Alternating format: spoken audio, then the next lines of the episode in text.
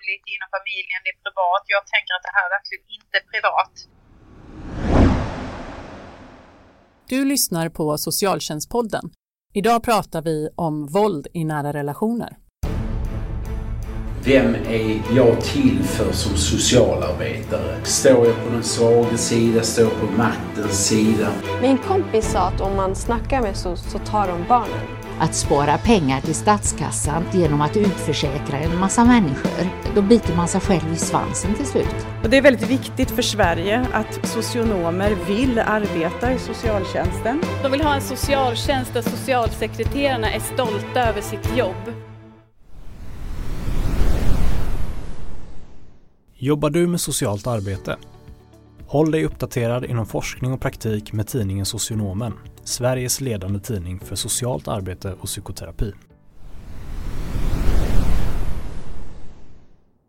Hej och välkomna till Socialtjänstpodden, podden för dig som är intresserad av socialt arbete och socialpolitik och som görs av Akademikerförbundet SSR.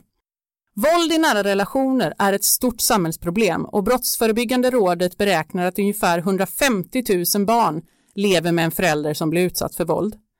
WHO rapporterar om en 60-procentig ökning av våld i nära relationer under coronapandemin och både hälso och sjukvården, polisen och Akademikerförbundet SSRs medlemmar i socialtjänsten vittnar om att de också märker av en kraftig ökning.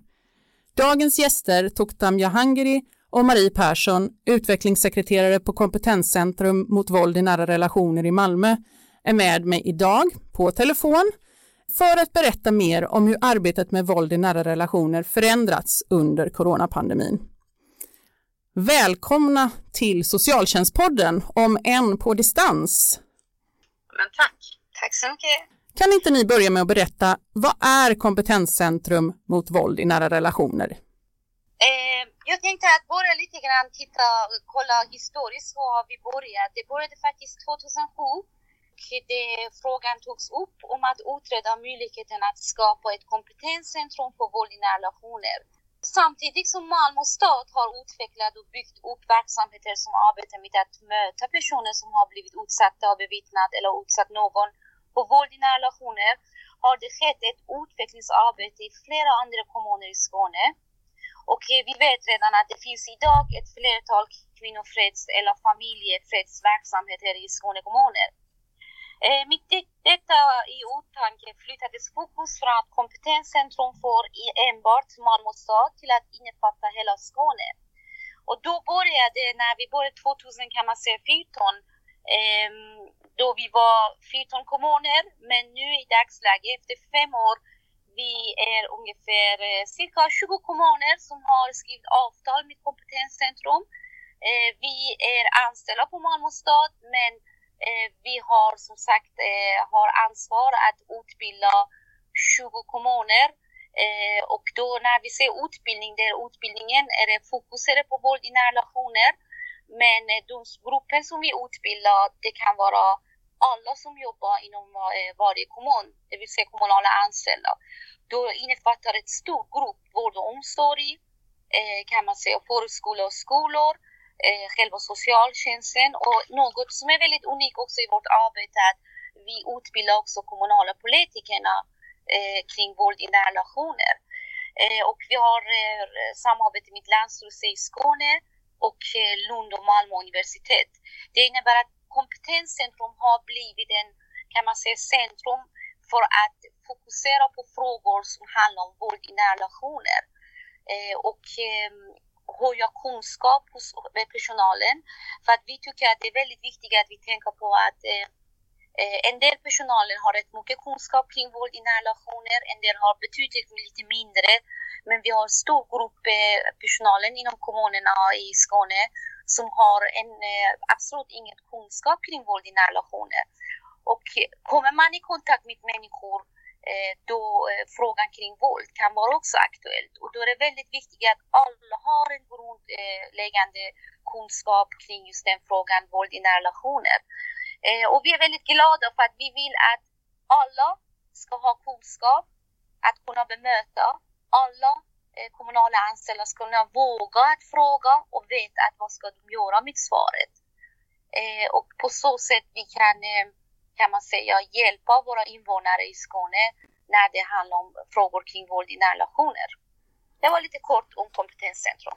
Det låter ju som ganska unikt att ni vänder er mot sån bred målgrupp och att det handlar om förskolepersonal och personal inom äldreomsorgen, alla som möter människor i stort sett. Precis. Men sen har ni ju också ett stort nätverk av forskare som ni kopplar ihop med dem som arbetar praktiskt med våld i nära relationer. Kan du berätta lite, eller kan ni berätta lite mer om det? Ja, vi har ju en del i Kompetenscentrums verksamhet som är forskarnätverket då. Och tanken från början med det handlar ju om att vi vill, vi vill bygga broar mellan forskningen och praktiken. Och forskare just nu är främst Lund och Malmö universitet. Eh, kontaktpersonerna som vi har via Länsstyrelsen i Skåne. Och våra avtalskommuner då. Och då är det ju praktiker som jobbar ute i de olika verksamheterna och det kan ju vara enhetschefer inom socialtjänsten, det kan vara andra enhetschefer inom äldre eh, eller funktionsvariationerna. Det kan vara samordnare som jobbar mot våld i nära relation, socialsekreterare eller så. Så det är en ganska stor grupp. Vi träffas två gånger per termin och har olika teman vid de här träffarna då. Det har bildats eh, arbetsreferensgrupper inför varje av de här mötena där vi diskuterar eh, vilket tema vi ska ha, vad vi ska prata om så att alla deltagarna känner att liksom, vi lyssnar in dem och vad de har för önskemål ute i verksamheterna. Vi pratar också kring eh, framtida konferenser, seminarium som vi kan hålla tillsammans. Så att det är en blandad grupp så att säga. Och, och tanken är väl också att försöka skapa gemensamma projekt och ta hjälp av varandras kunskaper. För vi kan ju liksom erbjuda via forskarnätverket att eh, ja, föreläsare eh, liksom ute på kommunerna och det kan ju också vara så att forskarna behöver hjälp av kommunerna för att hitta personer till en studie till exempel och då kan vi koppla ihop dem. Det är ju kompetenscentrum som håller i de här sammanträffarna och liksom för protokoll och ja, se till att de blir de funkar liksom. En stor utmaning mellan praktik och forskning är ju just det där med att få ut forskning till praktiker men också att forskare forskar om det som praktiker har behov av ja, att få, få veta mer om. Ja, men det är det absolut. Och hela kompetenscentrums verksamhet bygger ju på att vi ska liksom bygga på den aktuella forskningen och beprövade praktiken som finns. Och där har vi ju absolut hjälp av forskarna och de har också hjälp av oss tänker jag i det. Vad är på gång och, och svängningar i samhället och vad behöver man forska på, på nytt igen och så. Som jag sa inledningsvis så är det ju många som märker av att våld i nära relationer ökar nu när fler jobbar hemma och vi uppmanas att isolera oss. Hur är det i kommunerna som ni arbetar med? Eh, vi kan säga så att eh, utifrån eh, de nyheter som vi får från de kommuner som vi har framförallt avtal med. Det känns att olika kommuner har skapat olika strategier utifrån deras verksamheter men också utifrån de behov som de ser hos invånare i deras respektive kommuner. Vi ser att till exempel inom Malmö stad och andra kommuner i Skåne har de startat någon form av kampanjer som de går ut. Man använder väldigt mycket sociala medier och det, vilket att det är väldigt eh, bra. Sen har vi märkt att en del kommuner, hyresvärd, har börjat samarbeta med eh, socialtjänsten och genom att dela informationen på olika språk. Eh, jag tycker att det är väldigt intressant att många kommuner har börjat tänka utanför boxen. För det är mm. det handlar om. Corona har, eh, kan man säga, eh, skapat en, eh, ett liv som vi aldrig var, ingen var förberedd, mer eller mindre. Det innebär att då är det dags att tänka man, man, man ska tänka utanför boxen, man ska vara kreativ och vi ser den kreativiteten hos många kommuner i Skåne att de försöker komma ut, de försöker nå de grupperna som de inte når. Eh, det var en kommun som har berättat att elevhälsan är en av mest grupper som är, har haft enormt mycket samtal med elever som kommer inte i skolan eh, på grund av gymnasium är stängda. Vi har oroliga tjejer som säger att vi är rädda för att bli bortgifta och eh, okej, okay, just nu är det gränserna stängda och vi kan inte, vi, är, eh, vi känner oss trygga att vi kommer att inte i alla fall bli utskickade till eh, de länderna som vi ska bli bortgifta. Men vad kommer bli när de öppnar gränsen efter corona? Vad kommer bli att vi kan resa då? Det innebär att det är väldigt mycket oroligheter finns både hos invånare men också de kommunerna som vi eh, möter och träffar och pratar.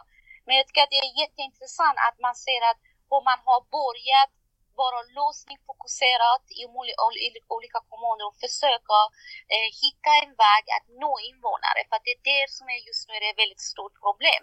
Hur ska vi nå de gymnasieelever som kan inte komma till gymnasium för att det är stängt, men samtidigt de har kanske inte möjligheten att komma ut överhuvudtaget från deras hem. Mm. Det är en utmaning som vi har här. Får ni några indikationer på ifall de som söker eh, hjälp och stöd, om det har ökat eller minskat i era kommuner? Det ser väldigt olika ut. Jag hade igår varit på ett samverkansträff som eh, har blivit anordnat på Landshuset eh, varje termin och då har jag lyssnat på nästan alla kommuner som finns i Skåne, hur de jobbar. Det ser väldigt olika ut men Eh, eh, en del kommuner säger att elevhälsan hör av sig jättemycket till oss och de behöver hjälp och stöd. Eh, en del eh, säger att eh, ekonomiskt bistånd, det är den delen som folk kommer till oss och berättar att vi behöver pengar. Vi har inte möjlighet att köpa mat till våra barn. Det, är, det finns barn som har hört av sig själva att nu går vi inte till skolan och eh, vi får inte den maten som vi behöver. Det ser väldigt olika ut.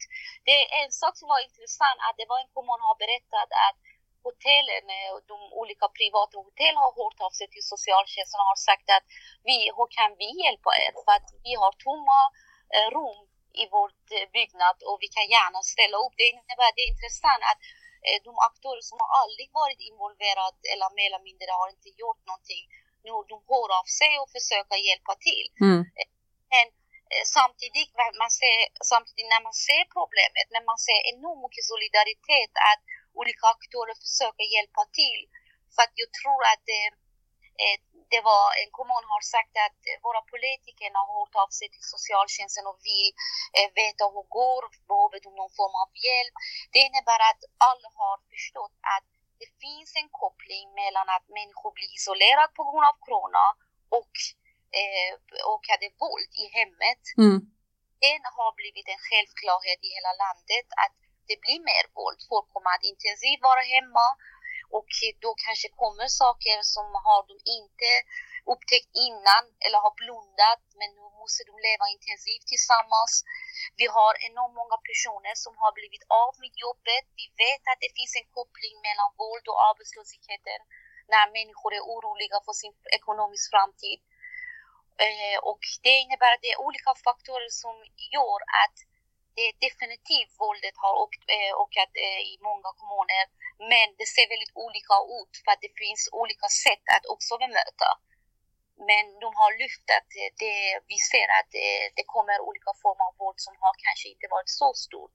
Men nu är det eh, anmälningar i en del kommuner har betydligt varit flera än innan. Mm. Så att eh, många kommuner funderar på och gör saker på nya sätt men alla kommuner ser inte dramatiska ökningar. Är det en... In, inte just nu. Men vi tror att efter sommaren förmodligen kommer mer anmälningar. För ja. vi vet att eh, stora del av folket i Sverige kommer stanna i Sverige med tanken på situationen att kunna resa. Och eh, vi tror att det kommer vara flera ärenden efter att skolan öppnas efter sommaren. För att just nu vi vet inte hur gymnasieelever eh, mer eller mindre mår för att de har inte gått till skolan överhuvudtaget. Mm. Eh, och det har varit distansutbildning och allt sånt. Och sen eh, jag kan säga en grupp som jag själv eh, kommer i kontakt med ofta genom min, mitt ideellt arbete är den gruppen som kan inte svenska, som kan inte läsa och skriva på sina hemspråk. Och den gruppen de når inte de ibland mer eller mindre de hjälp som finns faktiskt i samhället och erbjudas för att de vet inte hur ska de hitta den. Och det är jätteviktigt att vi försöker vägleda dem att komma till socialtjänst och få den hjälpen som faktiskt de får att få den. De har rätt att få den kan man säga. Men vad tänker ni att kommunerna skulle behöva göra ytterligare när det gäller då att upptäcka och erbjuda stöd och hjälp till våldsutsatta personer i den här speciella situationen som vi befinner oss i just nu? Mm. Ja, men jag, jag tänker också där dels på ökningen, att jag tror inte vi har pikat där ännu därför att det är fortfarande så att man får hålla sig hemma och de som är utsatta kommer inte iväg och, och kunna be om hjälp. Så att jag tror också det, det har inte pikat, det kommer att öka även om vi tror att det finns ett stort mörkertal just nu. Men jag, jag håller med Toktan, vi behöver tänka utanför boxen. Kommunerna behöver tänka utanför boxen. Eh, man behöver söka sig mycket mer ut på de olika eh, sociala mediernas arena. Vi har olika grupper, olika åldrar, de är på olika arenor. Eh, sociala medier, tidningar, kommunens hemsida. Man behöver utöka mottagningstider tänker jag. Ha öppet telefonlinjer på andra tider än då man kanske vanligtvis har. Man kanske har så här två timmars mottagningstid per dag. Jag tänker att det inte räcker i det här läget. För är man hemma med någon som utsätter mig för våld så kanske jag har fem minuter per dag när jag kan komma iväg och ringa. Mm. Och det är ju troligtvis inte inträffar när till exempel socialtjänst i alla fall har öppet då. Man behöver vara mycket mer noggrann med att våga fråga, tänker jag, eh, hur man har det hemma. Eh, man behöver också vara jättenoga med i de möten man har på telefon eller när någon ringer in att man informerar var man kan vända sig om man inte har det bra. Det är ju många saker man kan göra, tänker jag, för att öka tillgängligheten. För det är ju det det handlar om. Tillgängligheten eh, för de här personerna och veta var de ska vända sig.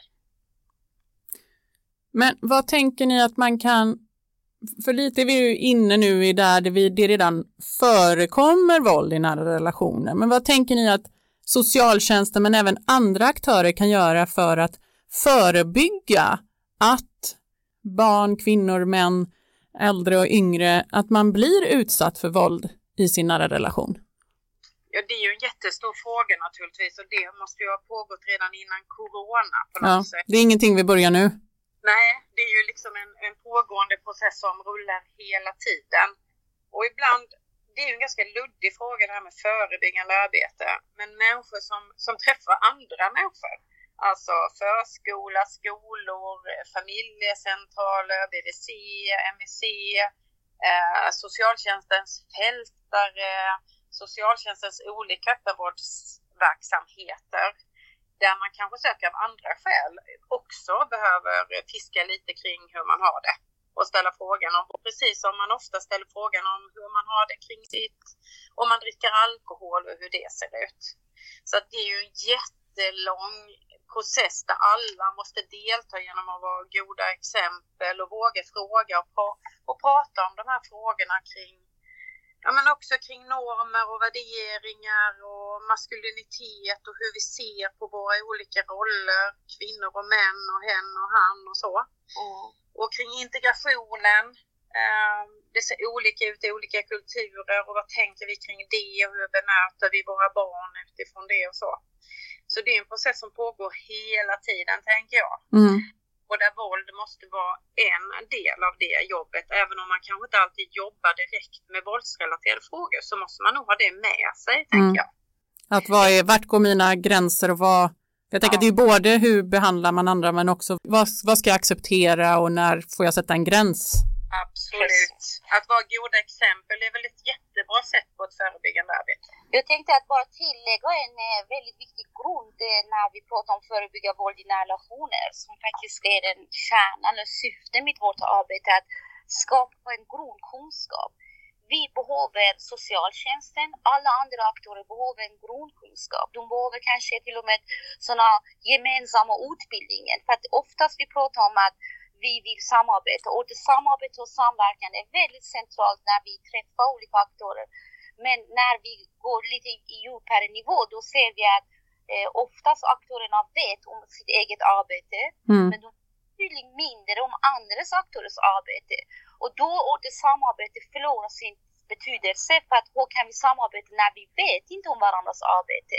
Och det är det som är väldigt viktigt att vi behöver för att kunna samarbeta, vi behöver ha eh, bra kännedom om varandras arbete, varandras ansvar eh, och eh, ha ett gemensamt mål. Och det är väldigt viktigt, en sak som vi brukar prata om, att prata, jobba långsiktigt. För att oftast när vi träffar aktörer och ger dem utbildning, vi utbildar en eh, väldigt stor grupp utanför bara kommunerna. Vi utbildar socionomstudenter på Malmö universitet. Eh, det har eh, nyligen vi har hållit utbildning för polisstudenter och då har vi märkt att oftast när man håller utbildning, då många säger att okej, okay, nu är vi färdiga, nu är det vi, vi kan. Jag vet, kan vi det här med våld i nära relationer? Precis, och då brukar vi säga, men vet ni vad? Nu är det faktiskt en resa som har börjat. För att, att ha en grundkunskap kring våld, det betyder inte att nu är vi check, nu är vi färdiga, nu kan vi gå. Utan våld är precis som alla andra sociala problem är under utveckling. Vi ser hela tiden ny form av våld som kommer. Då betyder det att vi måste hela tiden höja våra kunskap. Det innebär att det är en långsiktig plan och arbete vi har. Att eh, höja sin kunskap kring våld i nära relation det är jag brukar säga, det är en process som kommer aldrig ta slut. Mm. Vi måste alltid bara tänka på att nu har kommit en ny form av vård, hur ska vi bemöta den, hur ska vi förebygga? För det är det som är väldigt, eh, ibland det blir svårt att eh, samarbeta, att olika aktörer har inte tillräcklig kunskap och det blir, eh, det blir lite svårt för oss att komma in och säga men ni, ni, ni vill göra ett, ett arbete eller bästa arbete som ni tror att ni kan men det kan ni inte göra för att ni har inte den verktyget som ni behöver. Att ha en verktyg, fungerande verktyg, det vill säga kunskap, eh, uppdaterad kunskap, det är ett, ett måste för att kunna förebygga våld i nära relationer. Mm. För jag tänker att det som ni säger är ju både det här med att ha kunskap om hur man kan upptäcka och sen så ska man våga fråga eh, både de som man misstänker men kanske också bredare för att fånga upp och sen när man vågar det så ska man ju också våga ta emot svaret. Så det är ju liksom en process det där i, i kunskap och förmåga. Ja, och jag, jag tänker nog att de flesta kanske skulle våga fråga. Men precis som Toktan säger, om man inte vet vad man ska hänvisa mm. eh, vilka typer av verksamheter som jobbar med de här frågorna, då kanske man inte frågar, för vad ska jag göra av det? Mm. Liksom? Det blir liksom bara jobbigt för mig att veta om att någon blir utsatt för våld. Och, och det är ju en jobbig fråga, det kan man inte liksom säga något annat. Det är ju få människor som är bekväma att prata om det här. Mm. Så att det, det, är extremt viktigt att man faktiskt vet vilka samarbetspartner man kan ha och vad man kan hänvisa. Men om man tänker på er då på eh, Kompetenscentrum, hur har ni förändrat ert arbetssätt nu under coronapandemin? För jag, jag gissar att det, era utbildningar också får bedrivas på annat sätt nu och andra möten? Mm-hmm. Ja, jag brukar skoja att vi är socialarbetare men vi är alla väldigt duktiga nu på alla former av sociala medier, olika Skype-teams eh, som vi brukar använda, Zoom. Eh, men eh, nu är det som sagt att vi måste tänka på att det är en utmaning och eh, som socialarbetare vi är beredda på att ta utmaningen. Det har varit en utmaning för oss men nu har vi löst den. Vi använder digitala nätverk. Det innebär att vi utbildar, vi kommer att utbilda personalen via någon program som Malmö stad har avtal med DT Teams. Men vi, vi är medvetna om att självklart det blir ett annat sätt att jobba med de deltagarna som kommer på våra utbildningar. Och eh, det blir annan form av kvalitet. Men vi försöker hela tiden tänka på hur kan vi vara pedagogiskt tillräckliga att eh, deltagarna eh, lära sig och kunna vara, känna sig delaktiga i våra utbildningar. För tanken bakom vårt arbete är inte bara att vi förmedlar någon form av, någon form av kunskap. Tanken är att vi ska tillsammans höja vår kunskap. Det innebär att deltagarna ska vara delaktiga, känna sig delaktiga, kunna vara med i grupparbete. För att den kunskapen är det tungt och det ska fastna hos folk för att kunna använda senare i sin, eh, kan man säga, vardagliga arbete. Men det känns att vi är på rätt väg. Eh, det är rätt mycket utmaning men som sagt att eh, vi, vi kommer att besegra de utmaningarna och fortsätta göra, eller försöka göra vårt bästa som vi kan. Ja, vi har, ju, vi har ju redan påbörjat den typen av digitalisering. Vi har ju redan haft en del eh, utbildningar via digitala medier. Och planen är ju att vi under hösten kommer att lägga om, eller det kommer vi göra under sommaren redan, lägga om alla våra utbildningar till digitala versioner så att vi kan fortsätta köra dem. De kommer se annorlunda ut naturligtvis. Mm. Men, men det är ju, vårt arbete måste ju fortgå oavsett corona eller inte. Det är ju jätteviktigt. Vi har ett grunduppdrag att utbilda i det här. Och då, då får vi anpassa oss. Sen tänker jag, där är, där är fördelar med det också. Som innan har vi ju utbildat en kommun i taget kanske. Till exempel en basutbildning i våld. Nu ser vi att okej, okay, nu kanske inte alla i den kommunen kan, men då kan man ju hoppa in från andra kommuner. Så vi, plötsligt kan det ju vara folk från hela Skåne som kan gå samma basutbildning och också utbyta då gemensamma idéer och funderingar. Så vi ser också att det kan vara en del fördelar med att det här sker. Och det kan bli en del synergieffekter av att ja. anställda i olika kommuner kan dela erfarenheter? Ja, det Precis. tänker vi att det är mm. en av fördelarna som faktiskt har dragit med och jag, jag tror ju personligen inte det här kommer bara för att corona så småningom kanske ebbar ut eller vad man nu tror om det. Att det här, det här är väl ett arbetssätt som vi till delvis kommer att kunna fortsätta använda. Mm. Förinspela eller ha live-föreläsningar och workshop på nätet och så. Så vi att det går, eh, det handlar bara om att göra saker på ett annat sätt. Mm. Regeringen har ju gått ut med stöd till vissa ideella organisationer som arbetar mot våld i nära relationer och Socialstyrelsen har också fått i uppdrag att förmedla statsbidrag under de närmaste åren. Vad mm. tänker ni om de här satsningarna och finns det ytterligare saker som ni skulle vilja se att regeringen gjorde? Eh, jag kan säga så att jag kommer från kvinnojourrörelse.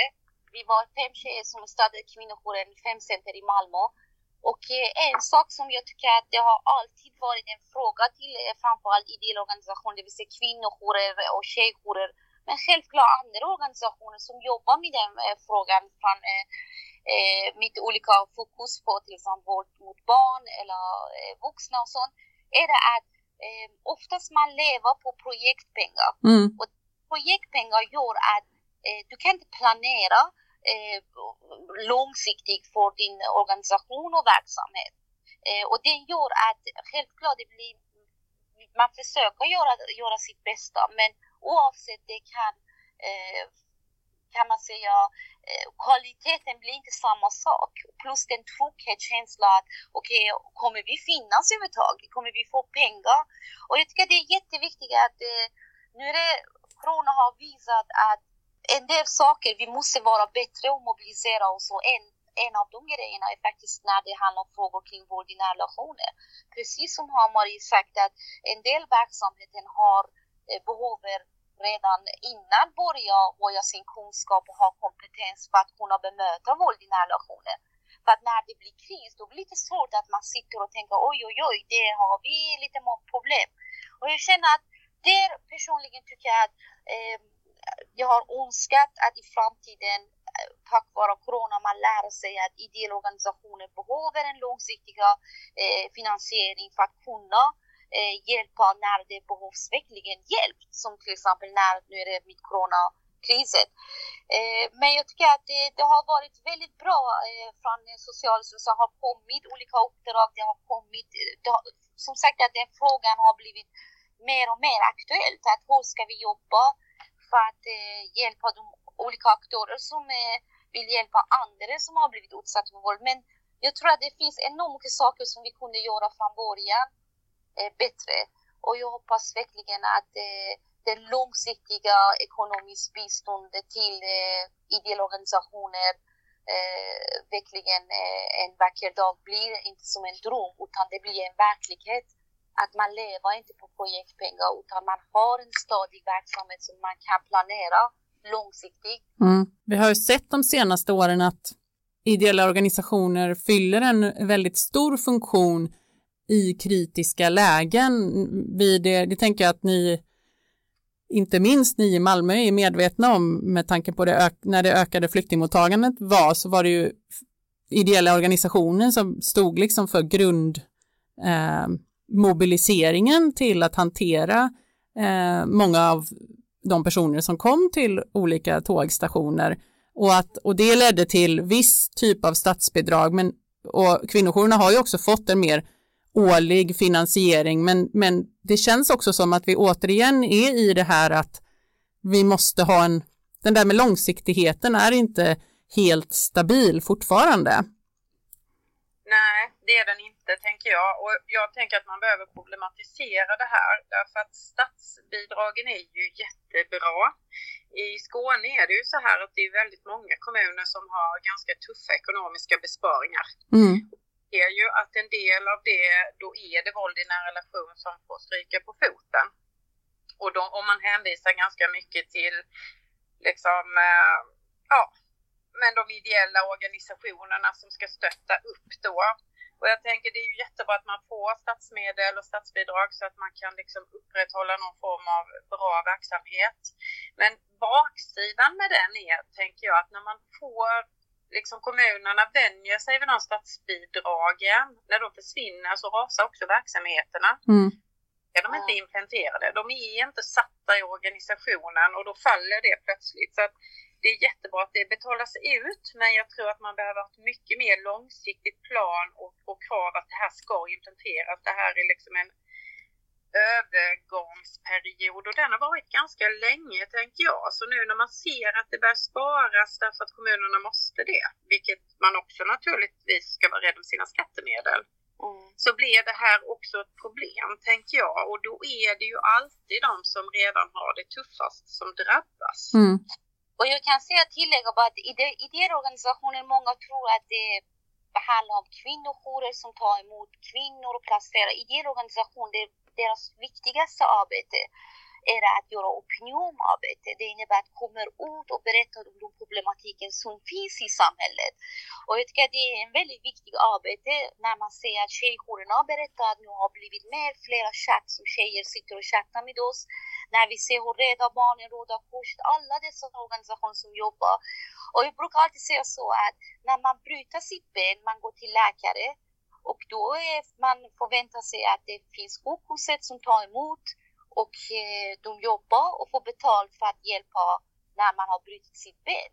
När man blir utsatt för våld och går till ideella organisationer, då kanske en dag den kvinnojouren finns, men kanske den månaden efter den kvinnojouren inte finns för att de lever en del av dem eh, kanske får lite pengar men stora delar av arbetet är baserat på ideellt arbete. Mm. Vi kan inte säga att våld är en väldigt viktig fråga och samtidigt göra och lämna den som att ja, men de kan ideella sitter och brinner och göra det arbete. Och det, det blir väldigt dubbelmoral att vi säger att det är en viktig fråga men samtidigt eh, vi lämnar den som att ideella krafter ska kunna ta emot och Mm. jobba. Det låter som att ni tänker att det måste vara liksom tydligt vilken roll är det bäst att de, för samtidigt tänker jag att, det, att de, det, av det ni säger så har ju ideella organisationer då en möjlighet att nå ut på ett annat sätt än vad en myndighet, organisation som socialtjänsten har. Att det är lättare att, att liksom få kontakt och sprida information om hjälp som finns, både inom kommun och hälso och sjuk liksom, och landregioner, men också inom organisationer. Ja men absolut. Absolut. Det handlar ju inte om det ena eller det andra. Det handlar ju om tillsammans. Eh, Men vi ser ju tendenserna när man sparar att det då läggs mera ansvar på de ideella organisationerna. Och då backar kommunerna. Och då backar kommunerna och vi ser också att det finns så mycket kompetens i hela ideella organisationsrörelsen. Men det är ju fortfarande så att socialtjänsten har det yttersta ansvaret. Och när vi använder de ideella organisationerna alltså så utför de socialtjänstarbete. Så är det och då, då kan man inte backa undan från det som ansvarig kommun utan då, vi har ett ansvar som kommun. Om vi, jag tänker att det här leder oss lite in då på sista frågan. Vad ser ni generellt som den största utmaningen för att stoppa det här stora samhällsproblemet som våld i nära relationer är och som regeringen har sagt att vi ska få bukt med? Det är den lilla frågan, eller hur? Nej, men jag, jag tänker regeringen har man har gjort jättemycket. Man antog den nationella strategin. Man har gjort det till ett folkhälsomål. Eh, man jobbar med Agenda 2030 kring hållbarhet. Man har skrivit på Istanbulkonventionen. och ratificerat den i många länder i EU och så. Så det är ju mycket gjort. Men, men det är ju på så många nivåer. Vi behöver prata om normer, vi behöver prata om värderingar, vi behöver prata om integration. Eh, ja, men det är på så många olika, både liksom övergripande makro och mikronivåer. Det är verkligen överallt. Och alla måste också vara goda exempel för det här. Så det, det, är ju liksom inte en lösning att okej, okay, vi utbildar alla i våld eller vi utbildar alla i, kring eh, könsnormer eller könsidentitet utan det här, det här fortlöper ju verkligen från översta nivån ner till den enskilda individen. Och jag vill bara tillägga att solidariskt tänkande det är väldigt, väldigt viktigt i den frågan. Precis som du säger på både makro och mikronivå. Att vi tänker att om en familj eh, blir utsatt för våld och den familjen får inte den hjälpen som behöver, då kommer den familjens problem bli vårt problem. För att vi alla, vem, vem kan man säga, eh, skapar ett samhälle. Alla de små familjer, det blir, det blir vi allihopa. Mm. Så solidariskt tänkande är väldigt viktigt. Eh, när man, eh, när man är som politiker, eh, hur ska man tänka eh, och, och hjälpa och ge stöd till kommuner när man är socialsekreterare, när man jobbar inom ideellt. Det innebär oavsett vad du har för funktion, att tänka på att den lilla Kalle som går på dagis, som förmodligen kanske har blivit utsatt för våld, då måste vi göra vårt bästa för att den lilla Kalle, om hon inte får hjälp, då mm. vet utifrån forskningen kommer att ha stora kanske problem i framtiden i sitt liv. Eh, när vi till exempel nu är det på grund av corona, det har förekommit, eh, en del kommuner har faktiskt nämnt att vi har upplevt att det finns en del våld hos eh, äldre personer. Och det våld mot äldre, mot äldre personer, det var en icke-fråga innan. Mm. Nu är aktuellt. Och då innebär det att vi måste tänka att varför äldre personer har inte samma resurs som har kanske en del andra vuxna och sånt som är, inte så pass gammal att gå till polisen och anmäla. Det är inte någonting som man behöver nästan sitta och räkna för de har inte det nätverken, de är isolerade. Det innebär att vi ser alla de grupperna som är särskilt sårbara och försöka till och med fokusera lite extra på dem. För att man nämner dem, men man måste hitta hela tiden tänka att okej, okay, på vilket sätt kan vi hjälpa dessa personer för att inte vara sårbara? För att man är inte sårbar, man blir sårbar.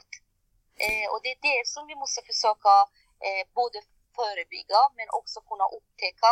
Men jag tycker att en sak som jag vill eh, avslutningen säga att, eh, från min sida att jag tycker att eh, kollar man lite övergripande hur Sverige jobbar och bemöter våld i nära relationer. Jag kan säga att jag har jobbat i andra länder. Jag kan säga att Sverige är en av de bästa länder som jag ser hur vi eh, kommer in och agerar. Men däremot är det som jag känner att vi behöver bli betydligt bättre och till och med FN har faktiskt nämnt också att jobba förebyggande. Mm. Och förebygga att inte kommer våld överhuvudtaget, att den lilla Kalle inte blir utsatt för våld.